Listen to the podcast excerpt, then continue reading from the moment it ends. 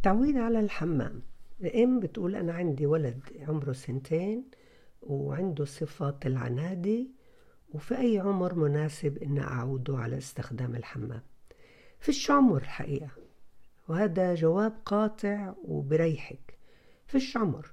ليه؟ لأنه في عنا نضوج للعضلة تبعت الشرج وعنا نضوج للأعصاب. يعني لما إحنا منقعده على.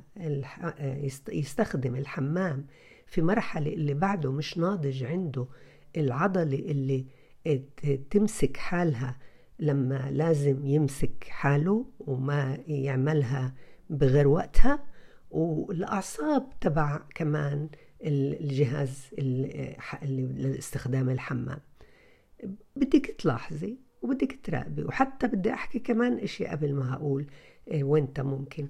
بدك تعرفي إنه اللي أثبتت الأبحاث إنه كل الأهل اللي جاء حاولوا إنه يسبقوا بدهن يقارنوا مثلا مع أخته مع أخوه مع ابن عمه مع ابن صفه.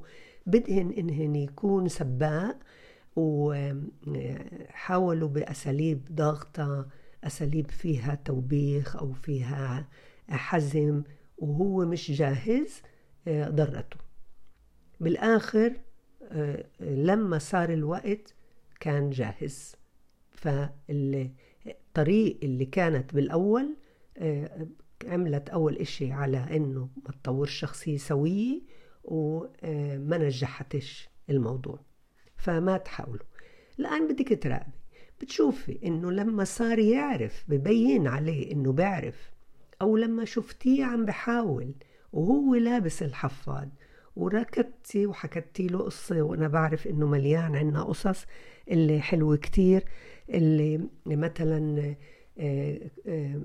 كشكش بلا حفاضات هاي بتساعد كتير على إنه يفهم الحالة. أما مش منعملش على نسرع بنضوج العضلة والأعصاب لا.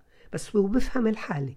إنه هو حاسس إنه بده يعمل البراز القصة بتساعده. فإحنا بهالطريقة هاي بنسهل عليه الطريق. بس أما إنه إن وبخ إن نتعصبن نزعل هذا بالعكس حتى بيعمل له ردة. فبس بدك تلاحظي وبدك تتعاملي مع الموضوع. وأنا دايما بقول هيك بشكل ساخر نكتة إنه مش رح يتجوز وهو بعده بلبس حفاضات. فما تخافوا.